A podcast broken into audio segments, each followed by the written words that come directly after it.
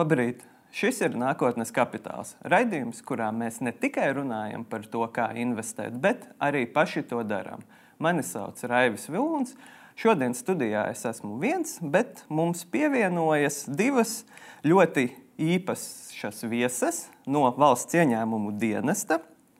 Tātad Fizisko personu nodokļu daļas pirmās metodikas nodaļas galvenās nodokļu inspektores Sandra Podniece un Digna Tarvida. Labrīt! Labrīt! Labrīt. Jā, tā tad garš tituls, bet es ceru, ka skatītājiem jau iezīmējās, tātad, par ko mēs šodien runāsim. Tātad, es uh, vēlos atgādināt, ka uh, šajā raidījuma sezonā es sāku veidot savu finanšu portfeli, kurš tad, uh, tagad, nu jau mēs esam pietuvojušies beigām, varēs beidzot sākt spēkoties ar uh, mana kolēģa Konstantīna Kuzikova uh, jau pagājušajā sezonā izveidoto klasisko akciju, nu tātad tur Apple, Microsoft un tā tālāk uh, finanšu portfeli.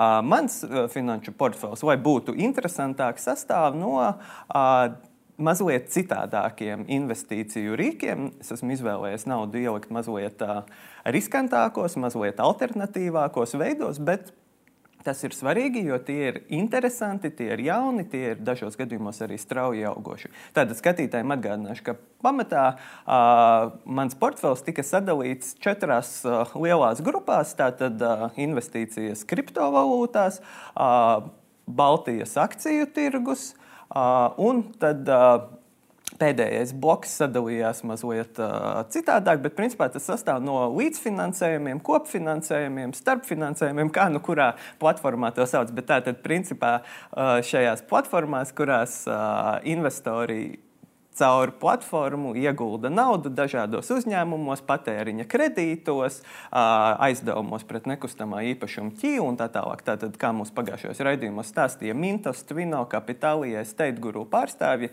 tad šie ir tie uzņēmumi. Un šeit uh, ir mans uh, portfeļa sadalījums, kāds tas šobrīd izskatās. Tātad, principā, esmu pabeidzis uh, to sākotnējo fāzi, esmu ieguldījis visos šajos uh, rīkos. Uh, Un tagad, protams, ir pienācis šis uh, loģiskais jautājums. Uh, labi, esmu ieguldījis naudu, bet kas notiks tajā brīdī, kad man sāks rasties peļņa? Vai, nu, piemēram, no investīcijām akciju tirgu, dividendes, piemēram, vai varbūt es izvēlēšos pārdot kādas akcijas un tā tālāk. Un tāpēc arī mums šodien pievienojas valsts ieņēmuma dienesta pārstāves, lai es varētu saprast, kurā brīdī man ir kas jāmaksā, lai uh, kādā brīdī neatnāktu uh, nepatīkama vēstule no valsts ieņēmuma dienesta par to, ka es esmu aizmirsis kaut ko samaksāt.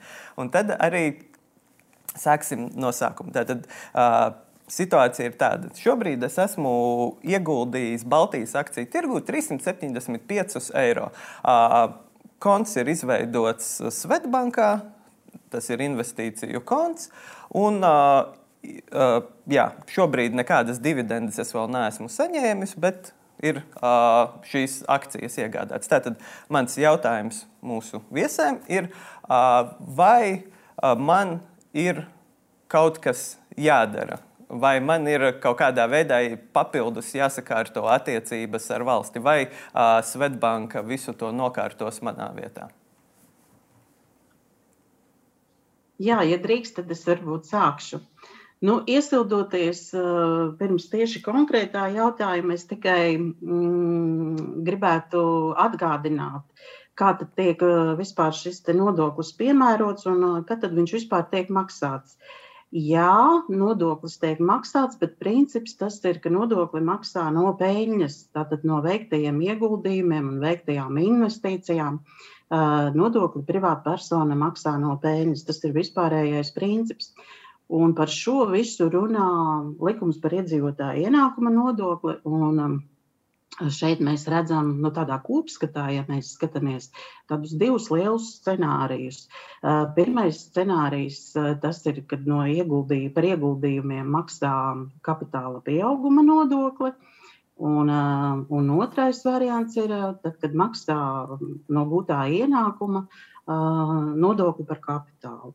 Nu, abos gadījumos ir nu, tā teikt, no peļņas, Un abos gadījumos ir nodoklis 20%. Bet tikai izšķirīgi ir tas um, administrēšanas process. Vienā gadījumā, par ienākumu no kapitāla pieauguma, tās būs deklarācijas četreiz gadā. Ja, tātad, tas ir pie um, dažādu kapitāla aktīvu atsevināšanas. Nu, tur kapitāla aktīvi mums ir būs ieguldījuma fondi, vai arī būs, vai tas būs akcijas, ja, tad, tad tas būs nodoklis par kapitāla pieaugumu. Šādi tiek aprēķināta peļņa. Un otrais variants, tas ir tātad, ienākums no kapitāla, un tur arī ir 20%, bet tas tiek administrēts vienu reizi gadā. Tātad un uh, arī no peļņas tiek nomaksāti 20%. Tātad atšķirīgais ir tikai uh, princips pie, pie pašas administrēšanas. Kas attiecās uz tieši šo jautājumu, ja tiek ieguldīts uh, Baltijas uzņēmumu akcijās, tad tiek iegādātas akcijas, uh, Tad eh, tajā brīdī, kad eh, šīs akcijas tiek iegādātas, nekur nav nekas jāmes, nevienam nekas nav jāsaka uz speciālu uz valsts ieņēmumu dienestu. Cilvēks ir iegādājies šīs akcijas un viss. Un cerams uz laimīgu rezultātu, kad uh, tiks maksātas gan dividendes, un uh, tiks arī gūta peļņa. Uh, Tajā brīdī nenotiek nekas. Ja šīs akcijas ir vēlme pārdot, tad, jā, tad, tad jau mm, vēros, tad privātpersonai pašai ir jāvēro, vai tad rodās peļņa no akciju pārdošanas vai nerodās peļņa. Un ja šī peļņa ir, tad būs kapitāla pieauguma deklarācija un nodoklis būs pašam arī jānomaksā. Tas ir pie tāda scenārija, ja šīs akcijas tiks atsevinātas. Tad, kad ir šis scenārijs, kad uzņēmums ir veiksmīgs un uzņēmums izmaksā arī dividendes, es pieņemu, ka šis turētājs, Svetbanka, būs jau visu nodokļu nomaksu izdarījusi kā izmaksātājs, un um, nodokli par dividendēm būs jau noteicis, ja tādas vien būs. Bet, nu, jāsaka, ka. Um, Par dividendēm šis nodokli, nodoklis iet kopskatā arī rezonē kopā ar uzņēmuma ienākumu nodokli. Tātad es domāju, ka šis turētājs jau visu to attiecībā uz nodokļa lielumu un iekastēšanu būs jau izpētījis un arī visu izdarījis. Tātad vajadzētu būt tā, ka nodoklis būs ieturēts un pašam cilvēkam nekas nebūs jādara pie dividendžu saņemšanas. Tāda būtu mana atbilde uz šo jautājumu. Mm -hmm. Jā, un es uh, vēlos vēl precizēt, tāpēc, ka uh, mums arī tieši šorīt e-pastā iekrita jautājums uh, vēl par dividendēm. Cilvēks uh, vaicāja, uh, vai tas attiecas, ko jūs uh, minat, arī, nu, proti, uh, vai nevar veidoties tāda situācija, ka, uh, ja, piemēram, dividends izmaksā Igaunijas vai Lietuvas uzņēmums, ka tur jau tiek uh, kaut kādi nodokļi nomaksāti, tad uh, šī dividenda dividenda vēl nokļūst pie cilvēka, un tad viņam vēl būtu jāmaksā šie 20%. Vai uh, tas tā nav? Proti, vienots, uh, vienota sistēma, un tad uh, par to nevajadzētu satraukties. Kas attiecās uz nodokļu nomaksu Igaunijā vai, vai Lietuvā. Mūsu norma pasaka, ja, ja nodoklis tiek nomaksāts Igaunijā vai Lietuvā, mēs pieņemam, ka šis nodoklis tiek nomaksāts. Un otrais, protams, netiek aplikts ar nodokli. Mhm, skaidrs. Uh, paldies! Un tad uh, varam uh, doties tālāk pie nākamās uh, pozīcijas, kas ir uh, kriptovalūtas. Tas ir uh, nu, pēdējo gadu finanšu uh, amatieru, it sevišķi, starp citu, ka daudzi nopietnie finansisti no kriptovalūtām uh, saka, ka jāturās pa gabalu, ka tas nav nopietnas investīcijas, ka tas ir spekulantu tirgus. Bet nu, daudzi amatieri, jauni investori, kuri varbūt tieši pandēmijas laikā nedaudz ietaupot naudu, piemēram, nebraucot uz darbu, uh, izvēlējās uh, teikt, paspēlēties ar šīm lietām, un viņiem arī varbūt tur ir veidojusies kāda peļņa vai zaudējuma. Tad arī ir uh, tas jautājums, kā uh, proti, kādas tad ir šie pienākumi un attiecības. Šajā gadījumā, piemēram, man šobrīd ir tā, ka es esmu arī līdzīgi kā Svetbanku ar Baltijas akcijām. 375 eiro ir ieskaitīti šajā konkrētajā platformā, tātad eToro, kas ir Eiropā reģistrēta, kuru es tad šo naudu izmantoju, lai iegādātos kriptovalūtas vai kriptovalūtu daļas, tāpēc ka viens bitkoins maksā krietni vairāk, un tad attiecīgi man tur ir kaut kādas daļas. Un šobrīd, piemēram, man uh, rāda, ka, ja es šajā brīdī pārdotu savas uh, kriptovalūtas daļas, man būtu peļņa. Uh, jo viņa vērtība ir pieaugusi nekā no mana nopirkšanas brīža. Tātad, vai šeit un kurā brīdī man būtu jādomā par nodokļu nomaksu, vai tas ir tikai tajā brīdī, ja es izvēlētos pārdot un šo naudu no šīs konkrētās platformas pārskaitīt uz savu kontu, vai tajā brīdī, vai kā, kāda ir tā sistēma un kā cilvēkam par to vispār jādomā? Es varētu atbildēt, tad paturpinot kolēģis teikto, virtuālā valūta arī ir kapitāla aktīvs. Līdz ar to pārdodot virtuālo valūtu, rodas kapitāla pieaugums. Tātad ienākums rodas tikai brīdī, kad virtuālo valūtu maina pret oficiālu valūtu. Bet tas nākošais solis, vai šo oficiāli iegūto valūtu iz, izņem no šīs platformas vai pārskaita, jau ir otršķirīgs nodoklis jāmaksā tad, ja veidojas peļņu ienākums mīnus izdevumi tieši brīdī, kad konvertē pret oficiālu valūtu. Aha, tādējādi sanāk, vēlreiz tikai precizēju. Tātad šobrīd, kamēr man ir šī nauda bitkoinos un es neesmu pārdevis, lai iegūtu to vērtību, man nav nekas jāmaksā, bet tajā brīdī, ja es platformā pārdošu savas eh, bitkoina daļas un saņemšu eh, atpakaļ nevis 375, bet šobrīd tie būtu 430 eiro, tad man būtu jā, jālūko nomaksāt nodokli. Vai tā? Ja? Jā, tieši tā. Un mhm. papildinot par kapitāla pieaugumu, ir tā, ja peļņa nav lielāka par tūkstošu, tad tā deklarācija ir jāsniedz reizi gadā, bet, ja peļņa ir lielāka par tūkstošu, tad reizi ceturksnī. Uh -huh, uh -huh. Un uh, vēl viens precizēšanas jautājums. Tātad uh, nodoklis tiek nomaksāts no peļņas. Tātad šajā gadījumā, ja nopaļojot, pieņemsim, mana peļņa būtu 45 eiro, tātad 20% no 45 eiro. Ja? Jā, tieši tā. Aha, ļoti labi.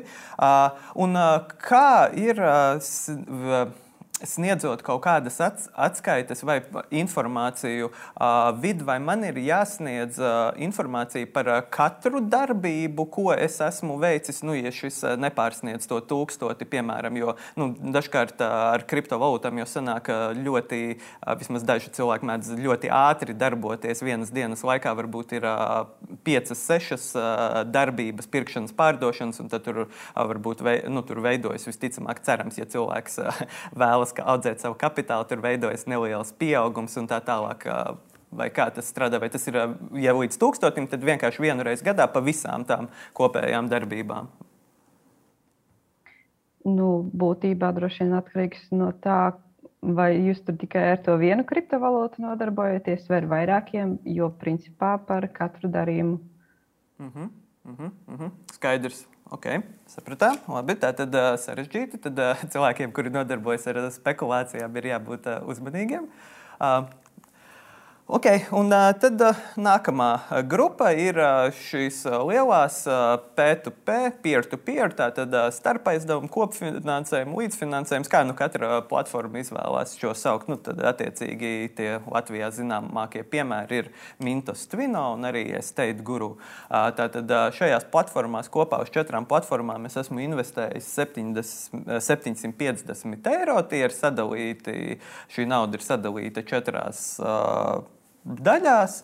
Un tad, attiecīgi, tas princips skatītājiem pastāstīšu. Tā tad strādā tā, ka es šo naudu arī ieskaitu šajās platformās, un tad caur platformām izvēlos, kurus no aizdevumiem es vēlos finansēt. Es tur ieguldu vai nu minimālo summu, vai nu kādu summu es vēlos, un tad katru mēnesi tur sanāk nelieli maksājumi, ko tad šis naudas aizņēmējs man maksā.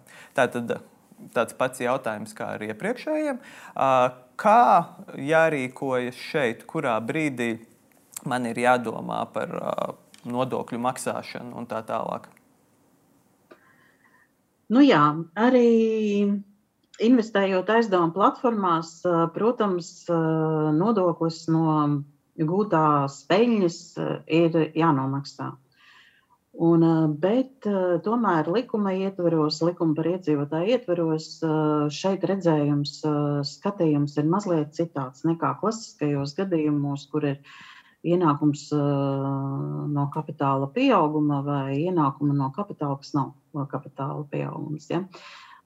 Šo mēs redzam tomēr kā cesijas darījumus, un tā tad tiek aizdota nauda, un, tiek, un arī viņa tiek saņemta atpakaļ tad um, aizdodot naudu šajā platformā, ja, ieguldot, tad tajā brīdī nekas arī tāpat nekur speciāli nav. Nekas ir jāiet un uh, jāiesniedz speciāli, bet um, tad, kad jau tiek nopelnīts no šī, jā, tā, tad, um, tad um, cilvēkam ir jārēķinās ar to, ka uh, būs ienākums par gūtu, un par gūto ienākumu būs jāaprēķina nodoklis.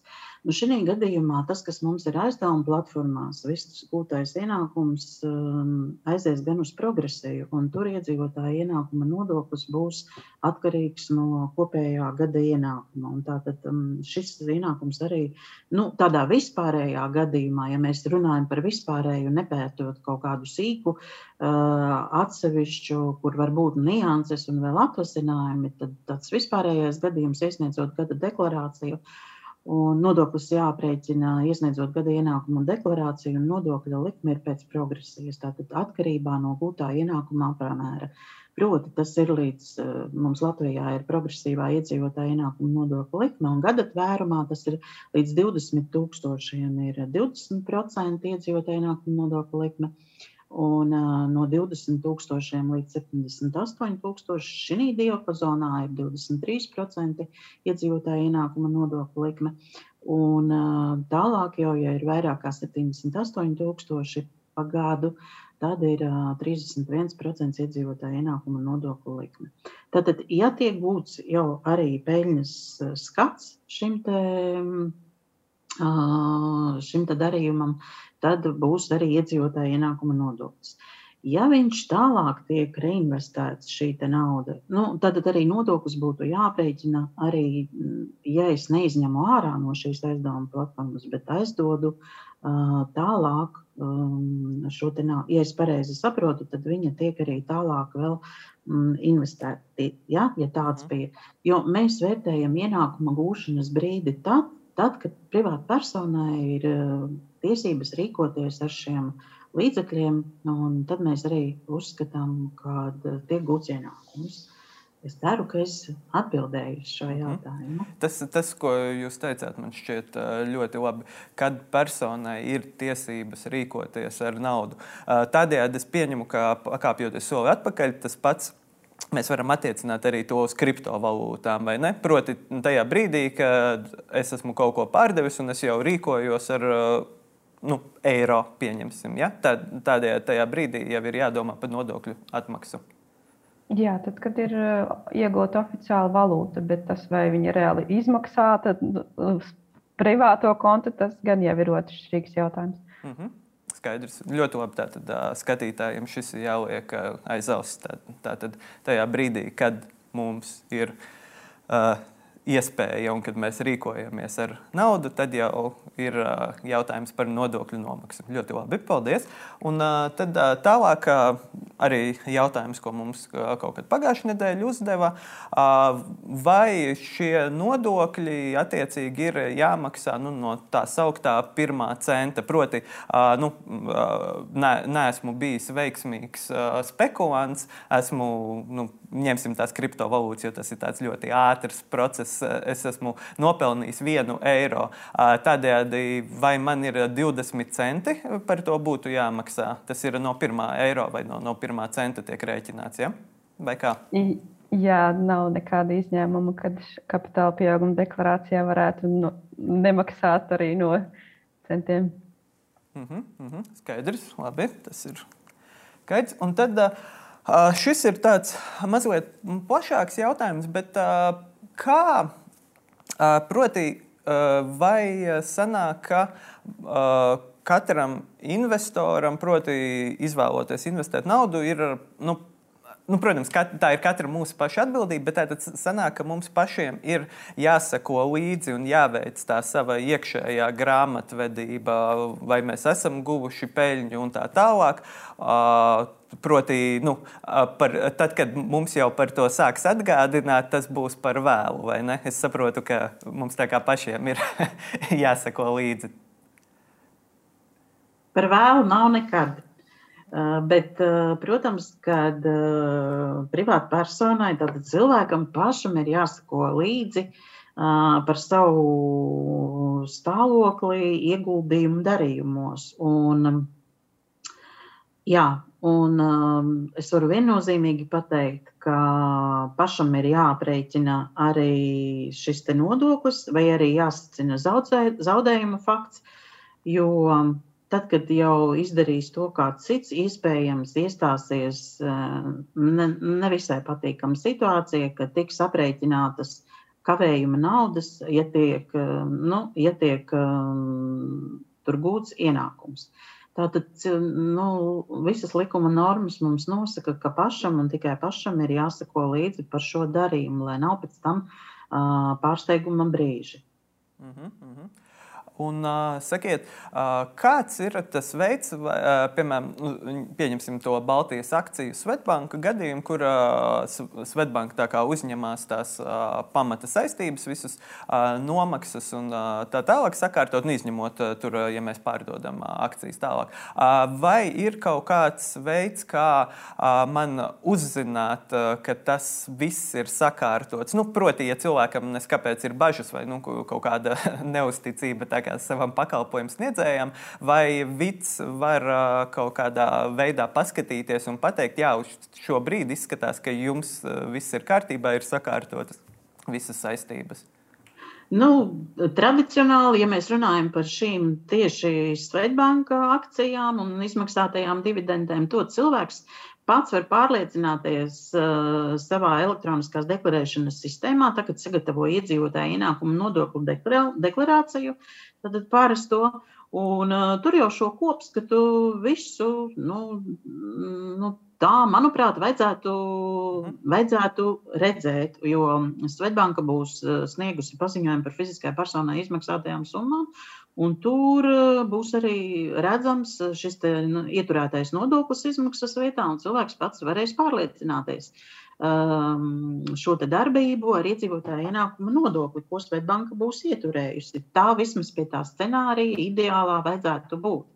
Uh, cilvēks pats var redzēt, pārliecināties elektroniskās deklarēšanas sistēmā, sagatavojot gada ienākuma deklarāciju. Tas ir attiecībā uz dividendžu uh, Uh, izmaksu un nodokļu ieturēšanas kārtību. Uh -huh, uh -huh. Un tad uh, vēl jautājums par to, uh, kā, kāda ir tā informācija, ka es, es pieņemu, ka iesniedzot gada deklarāciju, nu, teiksim, arī par šīm uh, kriptovalūtām vai arī par šiem peer-to-peer investīcijām mums arī ir nu, ne tikai jāveic savus nodokļu aprēķins, bet ir arī jāiesniedz kaut kādi dokumenti par šīm darbībām.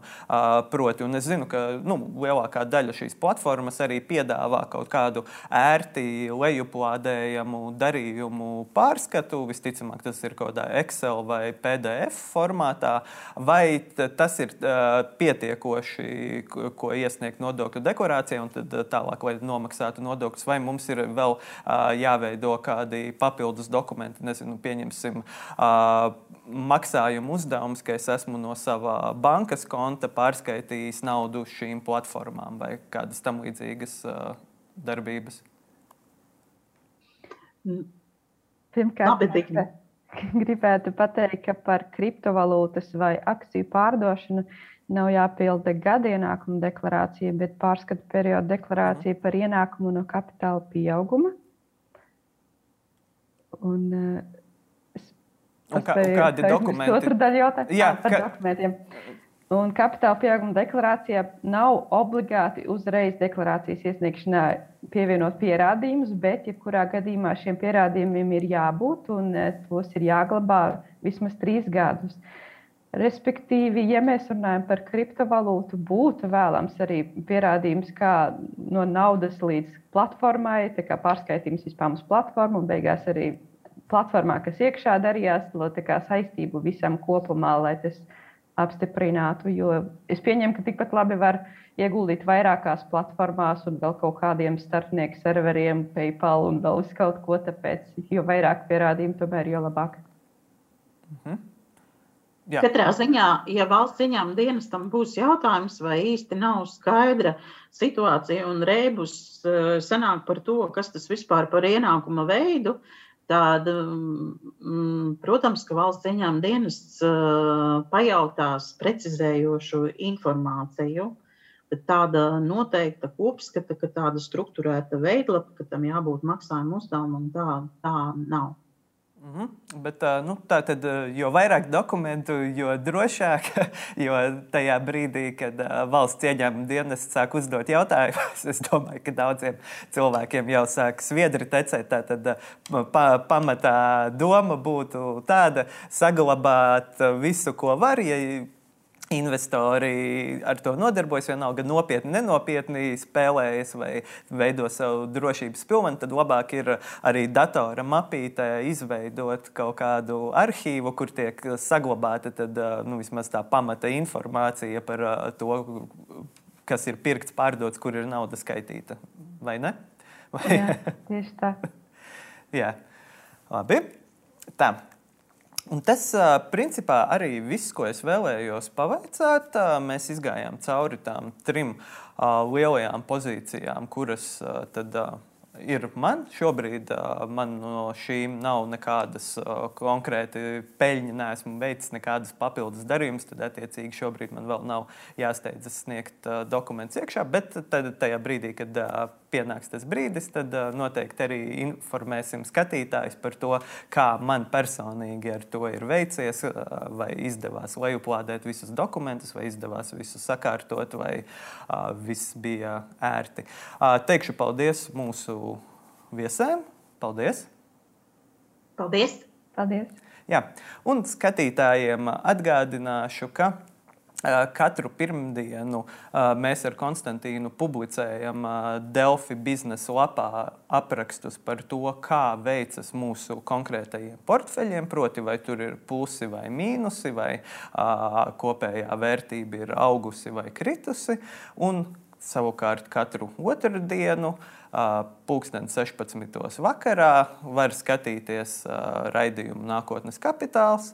Delfi TV sadaļā, savukārt trešdienu rītos var skatīties to Delfi biznesu. Paldies! Uz tikšanos nākamnedēļ. Visu labu!